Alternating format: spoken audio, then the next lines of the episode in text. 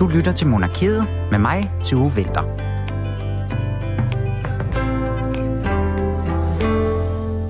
Der er ikke meget, som jeg elsker mere, end når vi får mulighed for at beskæftige os med 1700-tallet øh, kongelige historie.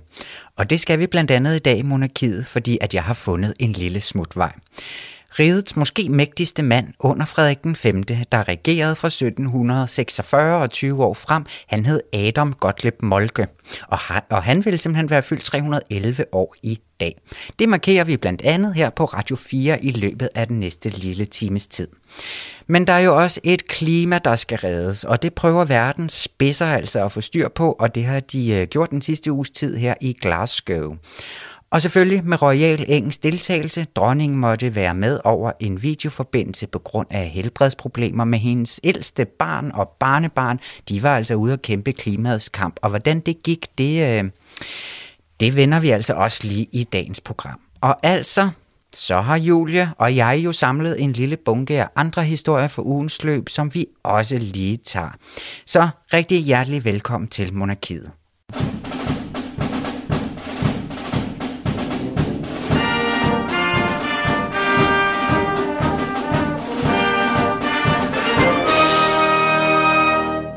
Og velkommen foran mikrofonen, Julie Lenhardt Højmark. Mange tak, Tue Vinter. Ja, så er det blevet tid til monarkiet igen. Og igen, vi skal igen, jo simpelthen igen.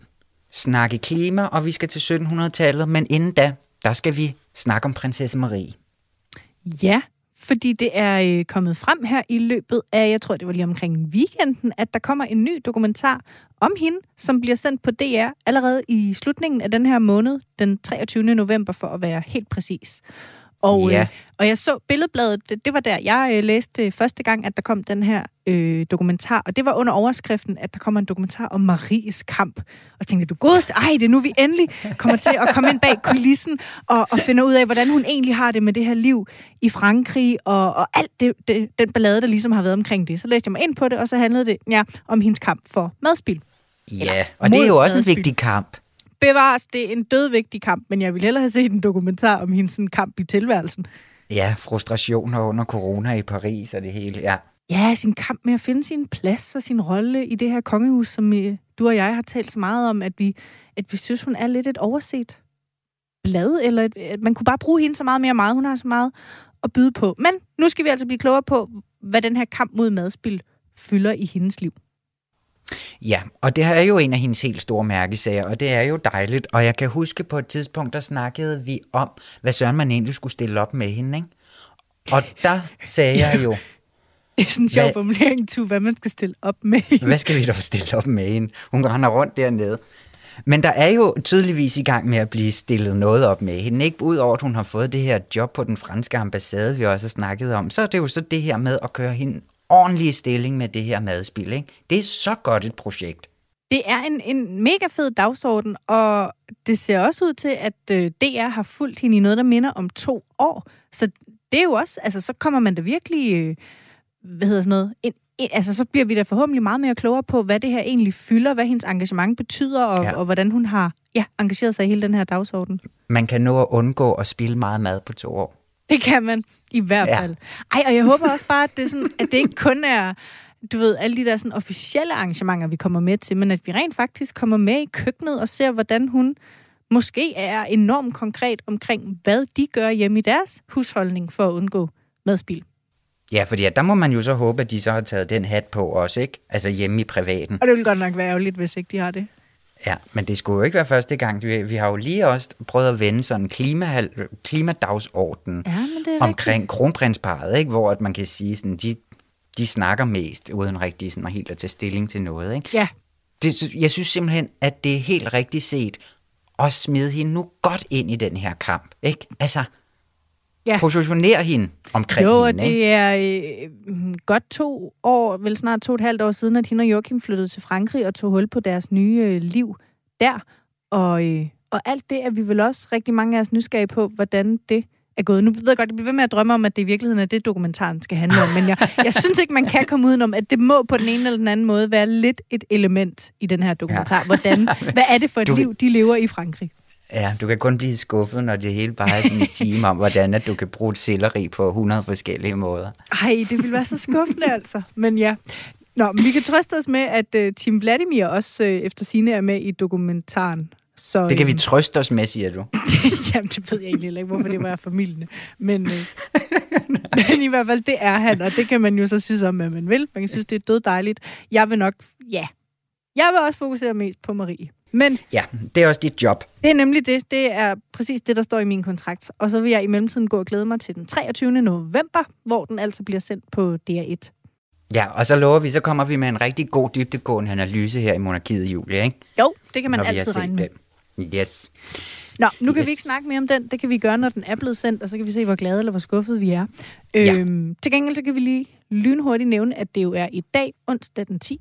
november, at dronningen og kronprins Frederik tager hul på det store statsbesøg i Tyskland, som vi jo tidligere har talt om her i Monarkiet. Ja, lige præcis. De skal ned bag den tyske grænse og spise en pølse, se på lidt tysk kunst. Ja, snakker om ja. også noget klima er også på dagsordenen. Der kommer til at ske en masse spændende ting.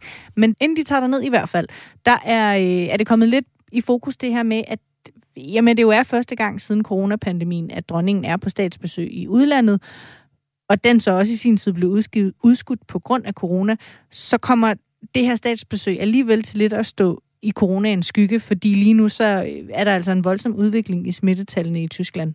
Mm. Ja, og hjemme jo også, kan man sige. Ja, det kan man sige, og, og det er ja. især slemt i, øh, i hvert fald, altså i Tyskland er det især slemt i Berlin, og, øh, og som er den by, de begge skal besøge, og i Bayern, som er den delstat, dronningen så bagefter skal besøge på egen hånd. Øhm, og altså, jeg, ja, jeg orienterede mig lige i Berlinske, som har beskrevet, hvor slemt det står til i Tyskland, og, og mediet har så også fået en skriftlig øh, hvad hedder noget, et skriftligt svar fra Udenrigsministeriet, som, øh, som skriver det her med, at man selvfølgelig følger situationen tæt, og vil følge de lokale krav og restriktioner, men at der altså ikke er nogen planer om at ændre øh, i programmet for statsbesøget. Og, øh, og i øvrigt er det så også lige blevet meldt ud, at udenrigsminister Jeppe Kofod, han sådan set kommer til at hoppe med. Så, øh, så det kommer til at fortsætte, øh, uanset corona eller ja. ej. Så må vi bare håbe, at de passer godt på hinanden dernede alle sammen. Ja, især på vores dronning, hvis jeg må have lov at sige det. Ja, ja, hende vil vi godt beholde lidt endnu. Det vil vi altså gerne have igen. Jeg kommer også til at tænke på, at vide, om hun har fået ja. det tredje stik. Det må hun da næsten kandidere til. Ja, må ikke. Lad os håbe det, lidt. så hun er lidt ekstra beskyttet. Ja, og det er i hvert fald, om må ikke, at de har totalt styr på det, og hvis der skulle være noget, som de føler, der skal afløse, så please gør lige det, ikke? Og det tror jeg da bestemt også, at de vil gøre. Ja. Ja, skal vi lige hurtigt nå til Monaco? Ja, det må vi hellere. For der er lige kort nyt fra Monaco. Øhm, tænk, hvis det var sådan en en ting i alle nyhedssendelser. Nej. det burde det være. ja, det burde det, fordi at nu er øhm, inde Charlene altså endelig tilbage i Monaco simpelthen, fordi hun har jo været i Sydafrika i næsten et år, eller i hvert fald i et godt, et stort halvt år, eller hvad man kan sige. Øhm, fordi at hun jo blev syg dernede, og hun er blevet opereret flere gange for sådan en, en sjælden øre-næse-halsinfektion. Men ja. nu har hun fået den sidste operation her i starten af oktober, og nu skulle hun altså være hjemme hos sine små tvillinger, Jacques og Gabriella, og selvfølgelig sin mand, fyrste Albert også, ikke? Jo.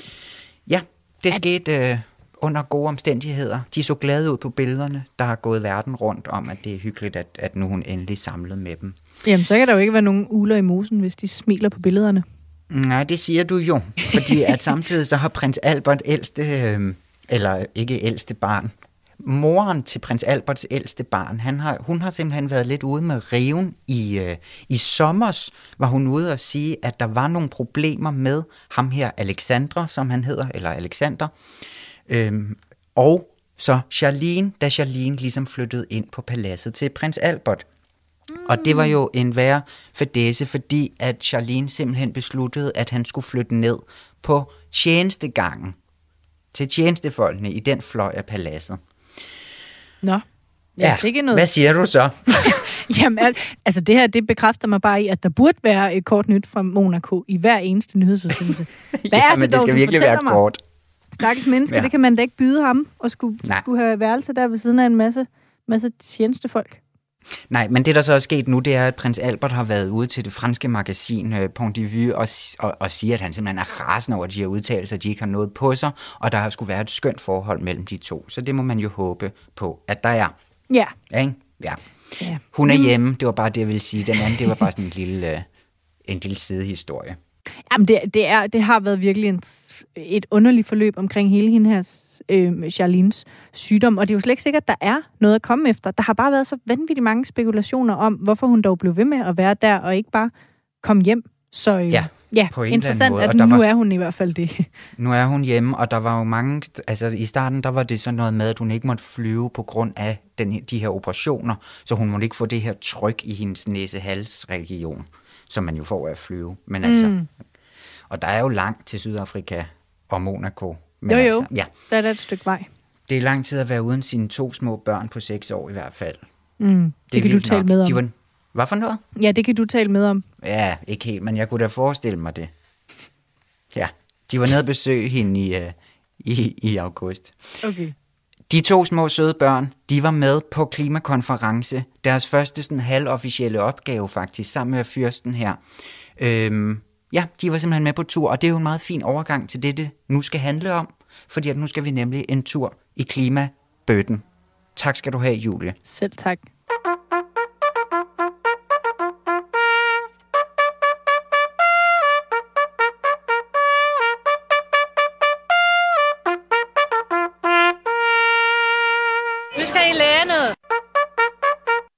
Ja, og nu kan jeg så byde velkommen til dig, Lone Tejls. Velkommen til Monarkiet. Tak skal du have. Det er jo dig, som vi ringer til, når vi lige skal have en lille rapport over fra, det, øh, fra Storbritannien, og den her gang fra Glasgow. Ja.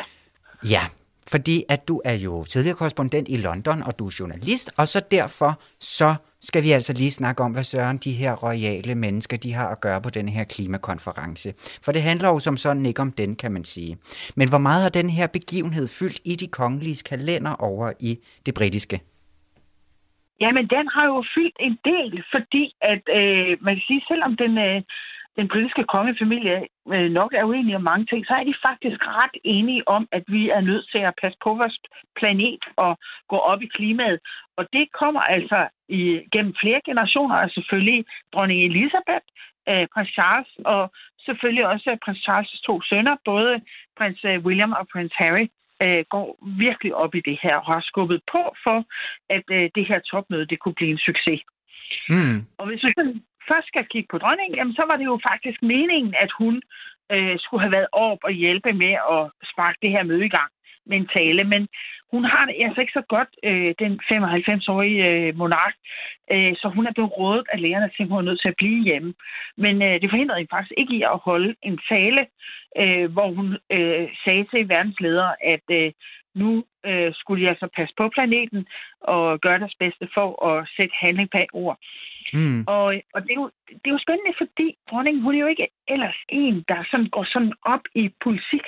Men lige præcis på det her område, så er hun faktisk blevet øh, overhørt. Øh, sådan lidt med, øh, ikke med vilje, øh, hvor hun står og taler med øh, sin svigerdatter, nemlig Camilla Parker Bowles. Øh, og, og, og der er hun altså kommet til at stå og, og tale lidt, øh, mens mikrofonerne har været sendt, uden hun vidste det og, og, og luftet sin frustration over de her verdensledere, at de snakker og de snakker, men hvad gør de ved det? Ja, præcis, og det snakkede vi nemlig også om for en, øh, ja, en uges tid eller to siden. Øhm, og jeg synes nemlig, det er ret spændende det her, fordi at jeg er jo med på, at den kongelige familie er med til sådan nogle her arrangementer, også for sådan at kaste lidt glans over, øh, altså alle verdens ledere kommer, selvfølgelig skal de også være der og så videre. Men hvad betyder ja. det egentlig for selve arbejdet, at de er der? Har det nogen betydning, at de står der og holder en tale, eller? Jamen, jeg tror i hvert fald, at det på nogen måder er med til at sætte en, øh, hvad skal vi sige, øh, højtidlig stemning, og netop også kaste noget glans, sikre noget presseomtale. Øh, altså, det er jo klart, at det er jo ikke øh, den britiske kongefamilie, der kommer til at træffe de aktuelle beslutninger, der så skal udmyndtes i de øh, enkelte lande, men, men det er en hjælp på en eller anden måde, at man, man siger, at det her det er simpelthen så vigtigt. Nu må I tage sammen. Altså, flere mennesker, der siger det, øh, som har indflydelse. Og det må man sige, det har dronning Elisabeth jo stadigvæk, og det britiske monarki det hele taget altså, har jo øh, millioner af menneskers bevågenhed. Øh, ja. Så det kan jo være med til at presse lidt på. Og man kunne forestille sig forhåbentlig, som er det, jeg lidt håber på, at der sker ting bag kulissen, som vi så ikke ser. Ja. At det er der, ja. hvor at Charles han ligesom får dem reddet lidt i nakkehårene og siger, ved I hvad, gider I godt at gå ud og tage nogle beslutninger nu?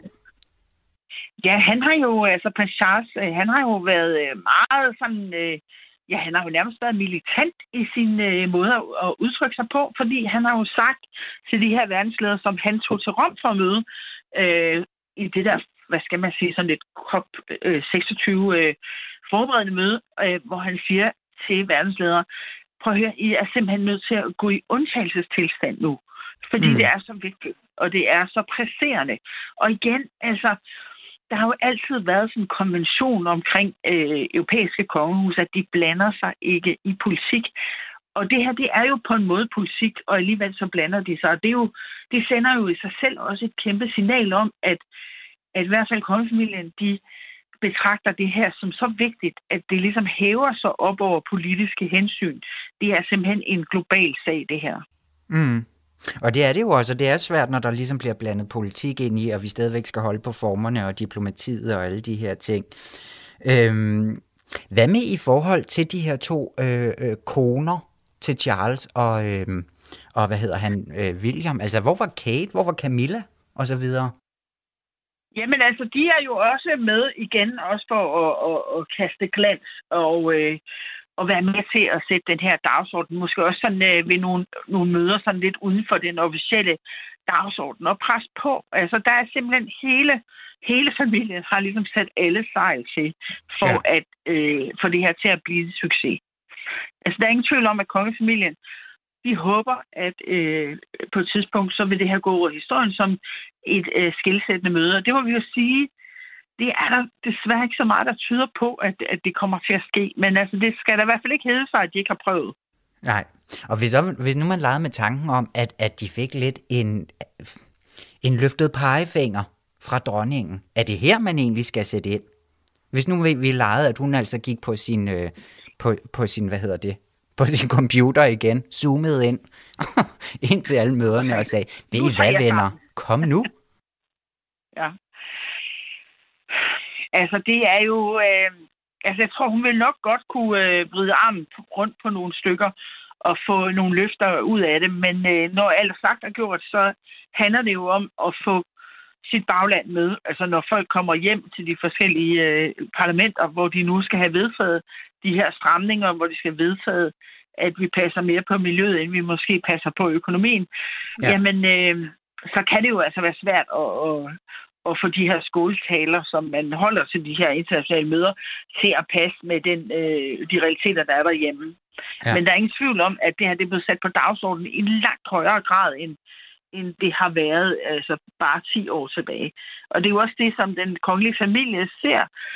Og jeg tænker, hvis vi sådan skal løfte os lidt op, altså så er det jo, så er det jo faktisk øh, ret moderne kan man sige, at det britiske monarki vælger at sige, nu bruger vi den power, vi har trods alt i verden, og den politiske kapital, vi på en eller anden måde stadigvæk har, mm. til at prøve at gøre noget godt for hele verden globalt. Altså om, om det så bliver en, en mission, der lykkes, øh, det, det må vi jo vente og se, men altså det, at de forsøger, øh, det synes jeg faktisk virker som om, at det er sådan en moderne øh, måde at være øh, kongelig på, og det kan godt øh, komme til at rykke noget.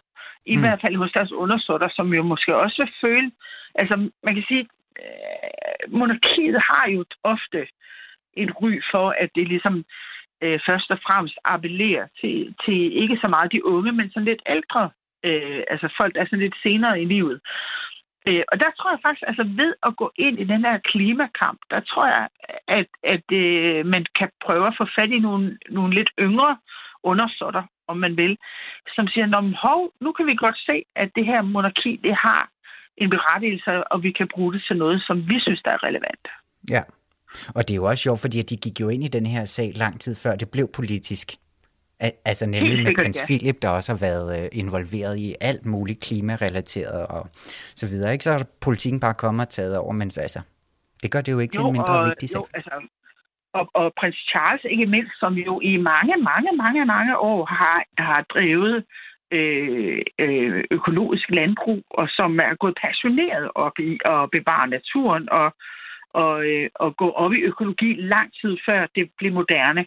Ja. Øh, så han har også gode credentials, hvad, hvad det angår. Ja, vi må håbe, at de får de her ting igennem, altså det må jeg sige. Men øhm, ja. Lone Tejls, vi når ikke at snakke mere om det lige nu, men vi skal snakke lidt om talerne lige om et øjeblik. Der har Julie været ude og snakke med retoriker Katrine Goldschak. Men Lone Tejls, tak fordi du vil være med. Velkommen. Vil de have en pude i ryggen?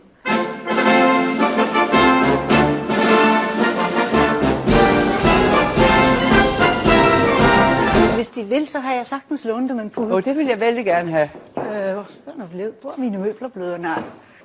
Jeg men tror, deres majestæt, det er meget nødt til at sidde på en pude. Hvis Jamen, det er bestemt ikke Og det er til ryggen, vi jeg tænker. simpelthen for... Oh, tusind tak. Jeg synes, det kunne, jeg kunne se, at de følte dem lidt langt tilbage. Det er rigtigt nok, øh, men jeg troede, jeg skulle sidde på en pude. Det nej, nej, nej, nej, nej, nej, nej, nej.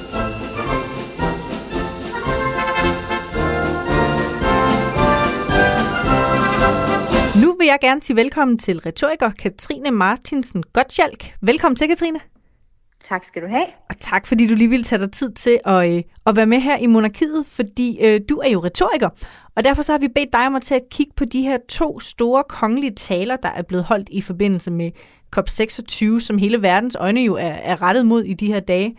Og jeg synes, vi skal starte med øh, dronning Elisabeth, fordi ja. det, det, der er lidt specielt ved den her tale, det er måske, hele den her, øh, hvad skal man sige, de omstændigheder, der er omkring den. Hun skulle have deltaget fysisk i topmødet, men måtte så aflyse på grund af nogle helbredsproblemer. Og derfor så blev hele hendes tale sådan transmitteret fra nogle hjemlige omgivelser mandag den 1. november, hvor koppen sådan officielt blev åbnet, og hun så byder velkommen. Så jeg kunne godt tænke mig at spørge dig, er det en sådan klassisk velkomsttale, vi har øh, med at gøre her? Ja, altså man kan sige, at hun indleder med at, at sige tak for uh, informationen og ordet, øhm, og så at, at lave en, en velkomst. Øh, den er klassisk i den forstand, at den, at den sætter scenen for, hvad det er, øh, der skal beskæftiges øh, med henover de dage, COP26 varer. Øh, men, men den er ikke så klassisk i den forstand, at hun bruger sig selv og især øh, sin afdøde mand, øh, prins Philip, rigtig meget i talen. Øh, så, så hvor en, en kan man sige, meget klassisk velkomsttale måske vil være noget mere formel, øh, byde velkommen, introducere folk og dagene, og hvad skal der ske, så har øh, dronning Elisabeth et meget personligt take på denne her tale. Ja. Øh, fordi hun ligesom får sat emnet i relation til til sig selv, øh, men jo også især øh, til sin familie. Prins Philip, hun nævner også både øh, øh, prins Charles og øh, prins, prins William. Øhm, og, og både for hun ligesom øh, sat ham i en faglig øh, kontekst, kan man sige, at han, han, han, han brændte for det her, og han vidste noget om det, og han allerede tilbage i 1969 skulle have sagt, at hvis ikke det allerede var kritisk på daværende tidspunkt, så ville det i hvert fald blive det øh, i den nærmeste fremtid. Øh, Øhm, og så sker ja. der jo det rigtig smarte øh, retoriske greb, at, at kameraet det skifter fokus fra dronningen hen til et billede i baggrunden af prins Philip, som ovenikøbet står øh, ude i naturen med nogle sommerfugle, øh, tror jeg det er, omkring sig, øh, som er, er virkelig sådan en, øh, en følelsesappel, at hun bringer nogle andre kort i spil. Selvfølgelig handler det om klima, men hun får også øh, skiftet fokus hen på, på sin afdøde mand og den rolle, han spillede i det, øh, og, og deres familie, øh, kan man sige, altså der, mm. den kongelige familie, og hvilke aktier de, de også har i det her med klima, og hvad det også betyder for dem. Ja, og jeg tænker, er det lidt... Øh Øh, Øh, underligt er måske så meget sagt, men er det øh, øh, specielt, at hun gør det i en tale, der jo sådan set er adresseret til en meget sådan et, et formelt forum, hvor, hvor alle verdens ledere er samlet, og hun i en eller anden egenskab af hvert ene skal byde velkommen. Er det så passende, er måske ordet, at, at den er så personlig, hendes tale? Det er i hvert fald atypisk, ja. kan man sige. Øh, og nu er den engelske kongefamilie jo heller ikke kendt for at være nogen, der deler meget ud af sig selv. Nej, netop. så, øh, nej, så derfor er det måske ek, øh, ekstra atypisk, at, at vi ser, at hun, at hun gør det her. Øhm, om det er passende, altså jeg skal indrømme, at jeg stussede lidt over det første gang, jeg så det, øh, at hun får draget så meget af sin egen familie ind. Øhm, men, men hun gør det formentlig netop for at alligevel vise noget personlighed, vise mm. dem som mennesker, øh, og så får hun jo trukket det hen til en appel til alle de her statsledere til sidst, kan man sige. Øhm, så, så hvis jeg lige jeg ved godt, vi ikke er gået i gang med prins Charles endnu, ja. men, men hvis jeg lige skal drage en parallel, så kan man sige, at vi kommer meget mere ind på Charles, øh, hvordan han går mere i detaljerne, men dronning Elisabeth får ligesom hævet sig op og, og sat en scene for inddraget sin egen familie, øh, hævet sig over detaljerne og, og de faglige øh, aspekter øh, af sagen, og så får hun, får hun ligesom til sidst øh, sagt, at nu, det skal I også gøre politikere og verdensledere. I skal hæve jer over det her med dagligdags politik, og så skal I, hun siger, achieve true statesmanship. Mm. Øhm, og jeg tror, det er det, hun gerne vil. Altså, jeg tror ikke, at øh, dronning Elisabeth nødvendigvis er super ekspert på det her område. Så i stedet for at gå ned i detaljer, som der også kommer rigeligt af hen over de efterfølgende dage, med hvad det er, der konkret er i gang med at ske, og hvad der skal gøres, og hvordan truslen er, så, så hæver hun sig ligesom op, øh, og hun, og hun øh, ønsker dem også held og lykke, kan man sige. Yeah. I wish you every good fortune til slut. Ikke? Øh, så hun, det er måske mere en måde, at hun ønsker at sende dem afsted med øh, sin, sin opbakning eller sin tilskyndelse til, at ja. nu skal de finde en løsning. Hun kommer ikke med forslag til, hvad det skal være for løsninger, eller hvordan de skal gøre det. Hun nævner lige kort, at, at de skal stå sammen om det. Øhm, og hun siger også, at det, det er meget fint, det er et retorisk greb, øh, kontrasten. Vi har så nogle forskellige stilistiske øh, virkemidler, vi kan gøre brug for rent retorisk, for at få folk til at huske det, vi siger bedre. Og der bruger hun øh, til slut en kontrast, fordi hun siger, øh, the time for words has now moved to the time for action. Øh, ja. Det er sådan en kontrast mellem ord og handlinger. Ikke? Nu er det slut med at tale om det, nu må vi gøre noget ved det. Og det er ikke hendes øh, område at gøre det. Øh, det er alle statslederne og alle fagpersonerne, alle dem, der ved noget om det. Mm. Men hun vil godt ligesom give den autoritet, tænker jeg, hun har som dronning øh, af England, øh, med på vejen til dem, der nu skal i gang med at prøve at finde nogle løsninger på de her problemer. Ja, fordi så kan vi jo passende øh, gå videre til, til prins Charles, hendes øh, nogle af 70-årige søn, som jo mm. faktisk i mange år har engageret sig i klimadagsordenen og, og virkelig været sådan en markant kongelig stemme på det her område. Hvad synes du om den tale, han holdte, som jo var fysisk på selve konferencen? Ja, altså det er jo meget tydeligt, at han ved noget om de her, øh, om det her område og, og de ting, han, han taler om. Øh, denne her tale, den er jo markant anderledes. Som du selv siger, så bliver den holdt på stedet direkte øh, foran det direkte publikum, kan man sige, alle ja. de her verdensledere, øh, han gerne vil adressere.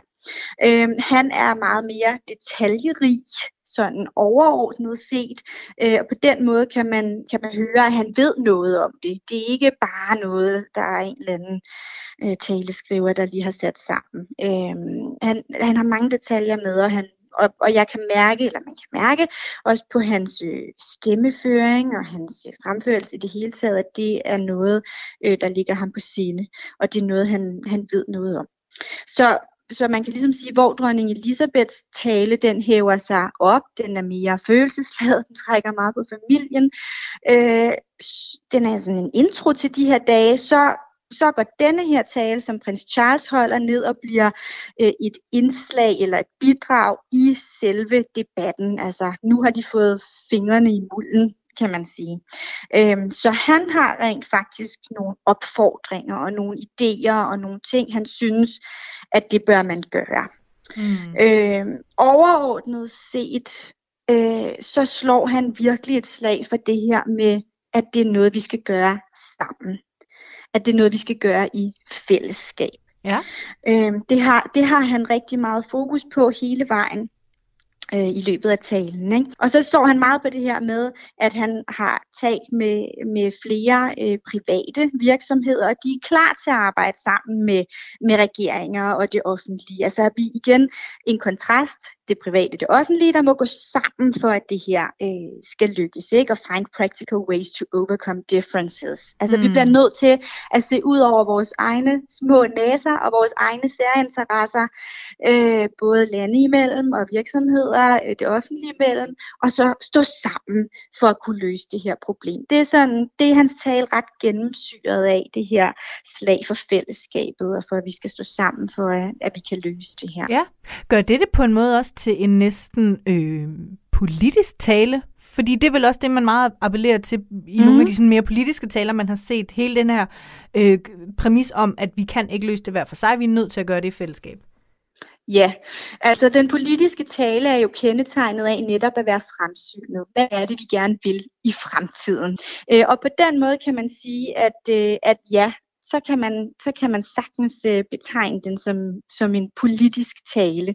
Øh, han kommer jo helt klart med nogle opfordringer til, hvad han synes, der skal gøres, og, og man fornemmer også meget klart denne her indsigt, øh, han har han har i emnet, at han ved noget om det, den er faglig, den er faktuel. Ikke? Han mm. bruger også meget svære ord, hvis vi nu igen skal sammenligne med dronning Elisabeth, så er hendes tale øh, nem at forstå og forholde sig til. Og den, det skal den være. Det er en velkomsttale. Den skal ramme bredt. Den er ligesom til dig og mig. Hvor prins Charles' tale meget tydeligt ikke er til øh, alle, havde jeg nær sagt, men til dem, der dels interesserer sig for det, øh, ved noget om det, og i høj grad til dem, der sidder øh, med, med muligheden, magten, mandaten til at gøre noget ved det. Ja, Mm. Okay, men hvordan så, hvis man sådan lige kort skal opsummere, hvordan i både sådan levering og, og budskab øh, adskiller de to taler sig så fra hinanden? Altså dronning Elisabeth er, som du har startet med at sige, øh, hendes tale er jo under nogle helt andre øh, rammer. Hun sidder derhjemme i et kontor. Øh, der er ro på. Der er ikke nogen mennesker til at forstyrre. Hun sidder helt øh, selv. Hun har formentlig en teleprompter med sin tale kørende på skærmen, ellers er det virkelig godt husket. Hun holder i hvert fald en super god øjenkontakt med kameraet hele vejen igennem. Ja, den er alligevel øh, sådan noget godt fire minutter lang. Ja, Ja, lige præcis. Og det vil jeg alligevel synes, det er imponerende, hvis hun, øh, hvis hun kan huske det udenad. Men altså, det kan jo godt være. Jeg ved det ikke. Men jeg kunne forestille mig, hun, ja, hun måske Hun har gjort det her i nogle år, kan man sige. Hvad for noget? Ja, hun har jo gjort det her i nogle år, snart 70. Det har hun. Det har hun, ja.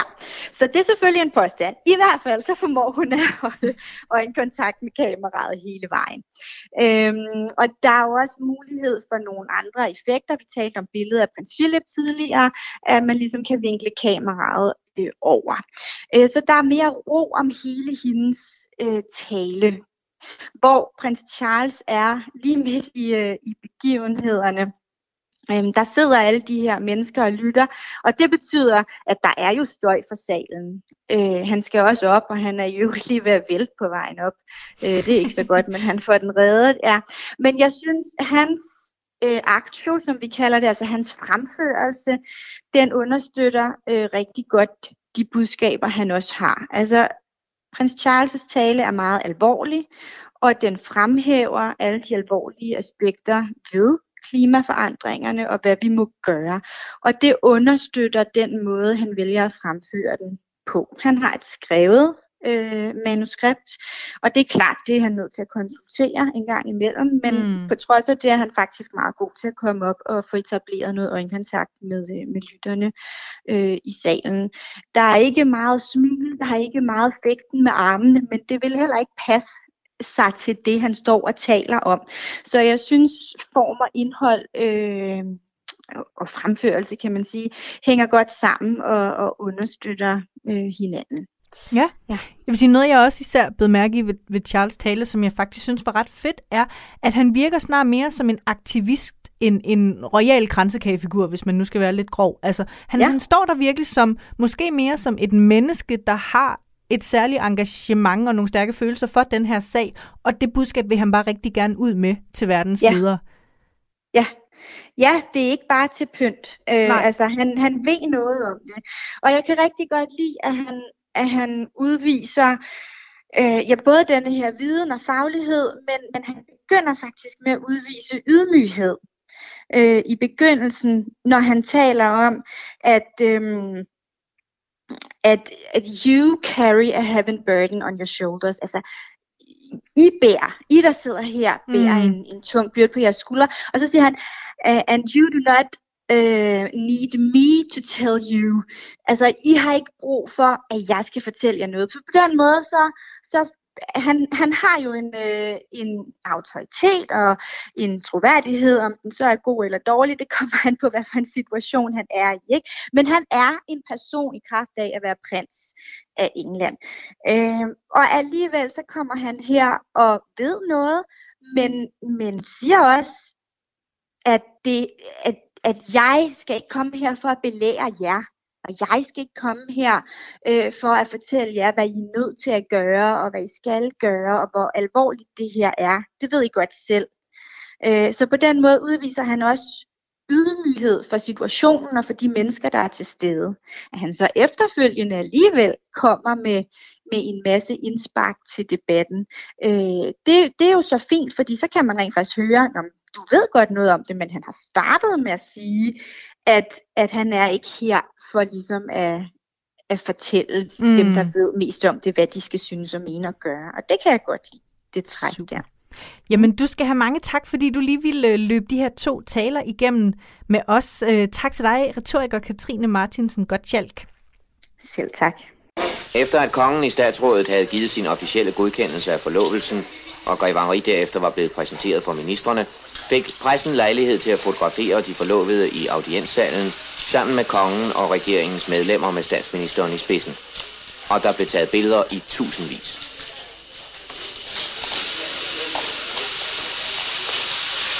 Nu må det være nok. Det er et stort program, der venter.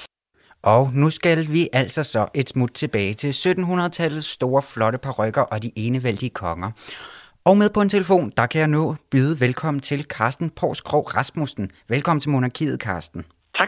Grunden til, at vi har ringet til dig, det er jo, at vi i dag skal fejre den gamle greves fødselsdag, fordi at her den 10. november 1710, der kom Adam Gottlieb Molke til verden. Og udover at du er museumsinspektør på øh, Museum Sønderjylland, så er du altså også forfatter bag bogen Molke, Ridets mægtigste mand.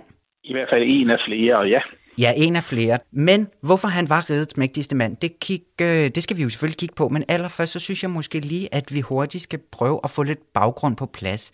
Fordi at den her familie Molke, hvad er, det for en, øh, hvad er det for en position, han bliver sat i ved at blive født ind i den? Jamen altså, han tilhører en mecklenborgsk adelslægt, øh, som i et par runder har forbindelser til Danmark. Det har den allerede i middelalderen, og så får den det så igen her i 1700-tallet. Og altså egentlig er han jamen, er sådan en pæn, solid adelslægt, men der var en frygtelig masse børn hos hans far, så han var egentlig ikke født til nogen meget stor position. Så blev han sendt til Danmark, hvor han havde en onkel, der var amtmand på Møn, og hvor han voksede op. Øh, og det var han havde en lykkelig barndom der på Møn. Og altså, det er jo, han er selvfølgelig i overklassen, men inden for overklassen er starten egentlig sådan forholdsvis jævn. Hvad er det så for en Danmark, som møder ham? Hvad, hvad, hvordan ser der ud i landet ja. på det her tidspunkt? Ja, det er jo et stort spørgsmål. Altså, det, det, er jo, det er jo Danmark, hvor vi har enevælden, og så er det jo et, et land, hvor at øh, magten både teoretisk og langt ad vejen reelt er i den grad centreret omkring kongen og hoffet, og der bliver Molke som ganske ung øh, page ved hoffet, og så vokser han gradvist til forskellige øh, positioner ved hoffet, og bliver og fra han er øh, en snes år knyttet til den senere Frederik den 5. Ja, fordi ham her, Frederik den 5. og hans forhold, det virker sådan ret stærkt. Hvordan kommer han så tæt ind på ham her, Frederik? Jamen, det gør han, fordi han øh, allerede, da han er omkring en snes år, bliver knyttet til Frederik, og øh, lige kort efter, så dør Christian 6, øh, der dør Frederik 4., og så er øh, Frederik jo faktisk kronprins. Og øh, der bliver Molke simpelthen knyttet til ham og stiger gradvis øh, i position, og da den senere Frederik 5. bliver gift og skal have eget hof, bliver Molke chef for hans hof, og da Frederik den 5. så bliver konge, så gør han Molke til overhofmarschall ja. altså chef for hele det store hof. Hele det store hof. Og hvordan, hvordan får han så ligesom øh, positioneret sig selv på den her måde, fordi at, at som, ja, som ja, den her bog jo også hedder, som magtets, eller rigets mægtigste mand, er det jeg får at sige, ikke? Øhm, hvordan kommer det til udtryk? Ja, altså jeg tror, vi er nødt til at lige kigge på Frederik den 5. først, fordi øh, Frederik den 5. Øh, er en øh, speciel skikkelse i vores kongerække. Han er formentlig en af de konger nogensinde, måske ved siden af hans sindssyge søn Frederik øh, Christian 7., den mest uegnede konge, vi nogensinde har haft. Altså han var en svag mand. Øh, de viste sig sådan set ret tidligt, at han interesserede sig ikke for skolelærdom, han interesserede sig ikke for politik, for at styre landet. Og så øh, gik han jævnligt på druk, og, altså så indimellem, også mens han er konge, altså sådan virkelig hårdt på druk, og så tog han nogle ture ud i byen, og det var med, ja, altså det var meget hård druk, og det var øh, seks år med ud, og det var smadrede vinduer, og så videre. Mm. Og nu kan man jo sige, at folk, der sådan, tager sådan noget, det kan være et meget stort øh, livsappetit, men ved Frederik den 5. har man egentlig først og fremmest den opfattelse, at han var en, en svag mand, der ikke havde evne og lyst til den meget store, det meget store han, ansvar, han jo sådan set er født til, og det virker egentlig sådan flugtagtigt fra alle ansvaret og alle byrderne og alle forventningerne, at han sådan med mellemrum tog de her ture. Ja. Er det noget, der er kendt i offentligheden? Mm, ja, det, fordi kun i begrænset omfang. For sagen er jo, at Molke får jo tidligt i, i virkeligheden ansvaret for prinsens opdragelse og skal prøve at lede ham på rette vej. Og det lykkes jo altså kun i begrænset omfang. Det lykkes at begrænse det her og så bliver Molke jo sådan en, øh, også en buffer mellem prinsen og kongen, som på den ene side på kongens vegne skal prøve at lede prinsen på rette vej, men på den anden side også er den, der glatter ud, når prinsen så er faldet i vandet, om jeg så må sige. Ja. Og, og det her forhold fortsætter efter, at, at Frederik bliver konge, at øh, Molke er den, der på den ene side hele tiden prøver at få tingene til at fungere, prøver at holde kongen øh, på øh, den rette vej, og så indimellem svigter det, og når det svigter, så prøver Molke så samtidig at glatte ud. Så det her tætte forhold, de så har haft, det har, har det også været sådan lidt et far-søn-forhold? Det må man sige, og Molke er på den ene side denne fad, han er jo 12 år ældre end kongen, og han er på den ene side denne faderlige og, og blanding af far og lærer og mentor, der prøver at lede kongen på rette vej med begræns, i og for sig begrænset held, fordi det lykkedes ikke at få ham til at være kongen, til at være en konge, der for alvor interesserer sig for noget. Men man kunne så have troet, at kongen på et eller andet tidspunkt kom til at have Molke for det. Ja. Men det gør han ikke. Det gør han simpelthen. Øh, Nej, altså kongen bliver, har en stor respekt for Molke, og det sker så det, ved vi fra nogle episoder, at når kongen sådan for alvor går på druk og virkelig tager en helt store tur, så kan han finde på at sige alt muligt grimt til Molke. Men så er han så ked af det bagefter. Ja. og så glatter han ud bagefter. Og, og, og, og det bliver simpelthen ved med at være lidt som en, en søn med en meget svag karakter, som aldrig rigtigt formår at løfte opgaven og hele tiden falder i vandet. Og så en far, der på den anden side med endeløs tålmodighed prøver at blive ved med at få ham til at lede ind på rette vej. Og det lykkes ikke rigtigt, øh, men, men der er en hele tiden et forsøg, og samtidig hele tiden en tilgivelse, men også en søn, der så bliver, eller altså en konge, der bliver brødbetønet, mm. når det ikke lykkes. Og måske et spillerum så også. Sige, at Molke, Undskyld? Altså så måske også et spillerum for Molke at, at arbejde i. Altså han har måske også haft... Jo, men Molke, Molke får en helt utrolig magtfuld position, fordi dybest set er det Molke, der er bufferen mellem kongen og alt andet. Ja. Han er bufferen mellem kongen og samfundet på den måde, at han øh, med utrolig held får solgt et forskønnet billede af kongen udadtil. Ja. Han havde så det at bygge på, at Frederik V, når han ikke var på druk, øh, egentlig var en, en, en flink fyr, og sådan set meget godt kunne lide at snakke med folk, og var sådan umiddelbart charmerende, bare der ikke var noget ansvar og besvær i det. Han bare skulle gå rundt og hilse venligt på folk og snakke med folk. ja, ja, det kender jeg godt. Og, og, og, og det var han sådan Ja, men det var han sådan set ret god til. Det er jo også en kongerolle. Ja. Og, og, den, og, derfor, og det er så støttet af, at Molke får lagt et forskønnet billede, og at Molke får systemet til at køre. Det gør, at Frederik V bliver populær. Og Molke får jo så systemet til at køre, fordi den centrale rolle i enevælden, som kongen ikke kan udfylde, den udfylder Molke i virkeligheden, men han gør det så på den måde, at han siger, jamen øh, i stedet for et sådan meget øh, svingende, humørsvingende enevælde, som vi har i visse perioder, hvor folk bliver fyret og stiger efter tur, så kører vi en, en stabilitetskurs. Mm. Og det vil sige, at de ministre, der er der, de får normalt lov til at blive, indtil de selv synes, at nu er de dør, eller selv synes, nu kan de ikke mere. Og det samme med de øverste embedsmænd. Og derfor får vi en, altså en, en, en, en periode, hvor enevælden reelt er blevet et selvsupplerende byråkrati. Ja. Øh, som kører godt, solidt og stabilt, og laver også moderate reformer, men ingen store øh, dramatiske brandbevægelser.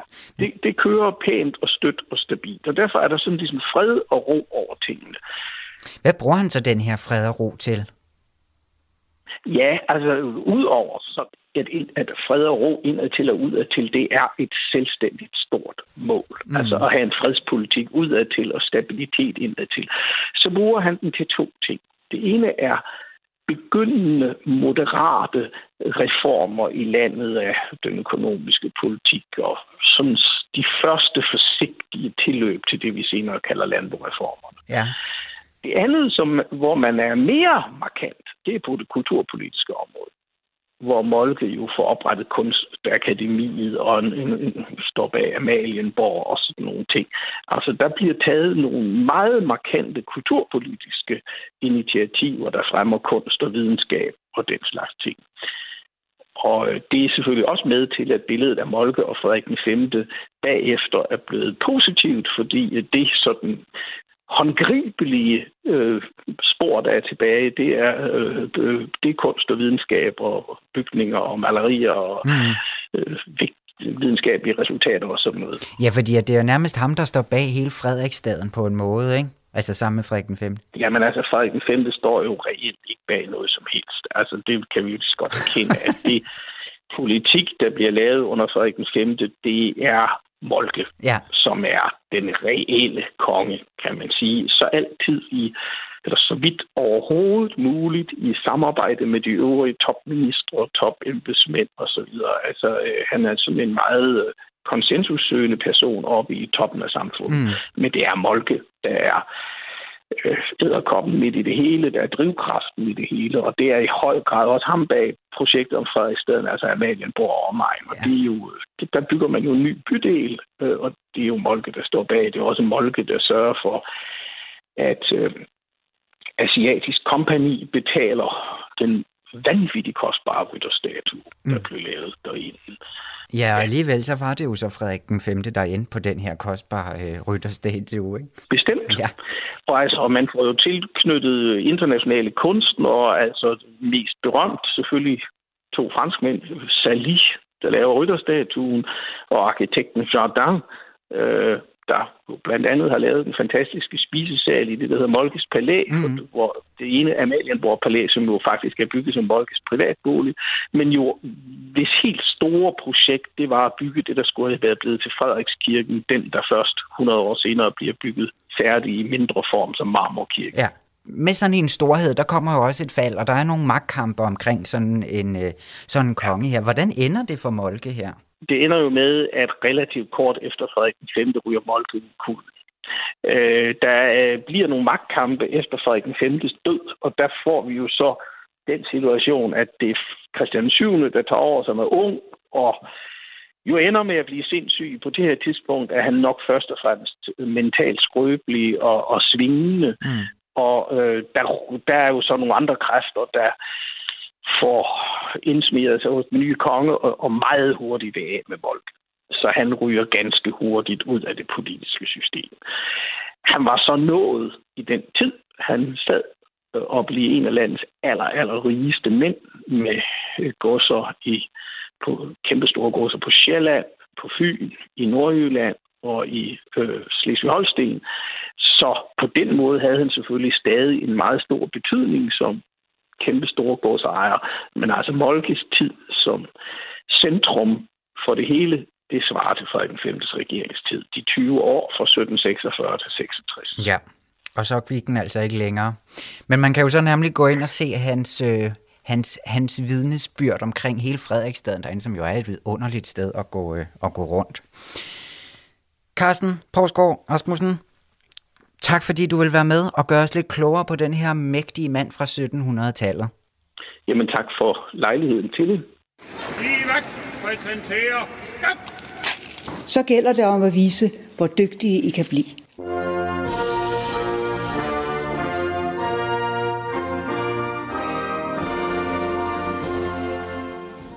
Så fik vi altså lige ønsket øh, hjerteligt tillykke til Molke ved lige at mindes ham et øjeblik. Og nu skal vi quizze lidt videre i 1700-tallet, og til det, der skal jeg jo bruge en, der vil tage imod spørgsmål, og der stiller du op, Julie. Ja, det er jeg blevet bedt om. Ja, og du skal blive så meget klogere, jo. Jeg elsker jo 1700-tallet. Ja, det ved jeg.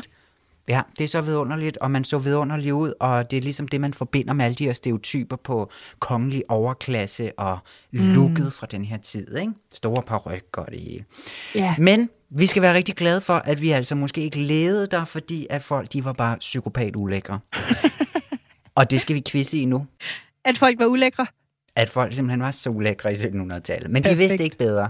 Nej, det er rigtigt. Nej. Og vi har jo faktisk lidt quizzet i det før, Julie. Der gik Ja. det rigtig dårligt for dig, fordi vi har quizzet i Louis den 14. Solkongen og Versailles, og hvordan det ligesom foregik dernede i forbindelse med hans fødselsdag faktisk. Der fik du 0 point. Ej, var det virkelig nul? Nå. Det var 0 point. Men så kan du altså tage lidt revanche nu, for vi tager tilbage til Versailles og kigger på deres hygiejne igen. Yes. Er du klar til første spørgsmål? Altså, det kan jo næsten kun blive bedre den her gang, det, så jeg er meget jamen, klar. det kan det da. Godt, det kommer her. Man badede jo ikke. Man mente varmt vand var smittebærer. Man dubber sig lidt med en fugtig klud, vasker hænder og ansigt lidt. Men man havde faktisk på Versailles en hel masse badekar. Men hvad blev de så brugt til, hvis man ikke gik i bad i dem? Det er første spørgsmål. Ja. Var det bare til pynt? Et stort kar med vand, og så kunne man for eksempel komme fisk i, eller vandplanter, eller noget af den dur? Eller var det til at vaske tøj i? Eller var det sådan til mere intime formål? Altså man inviterede en, man godt kunne lide med ned ah. i karret. Jamen, jeg tror den sidste, at det var til intime formål.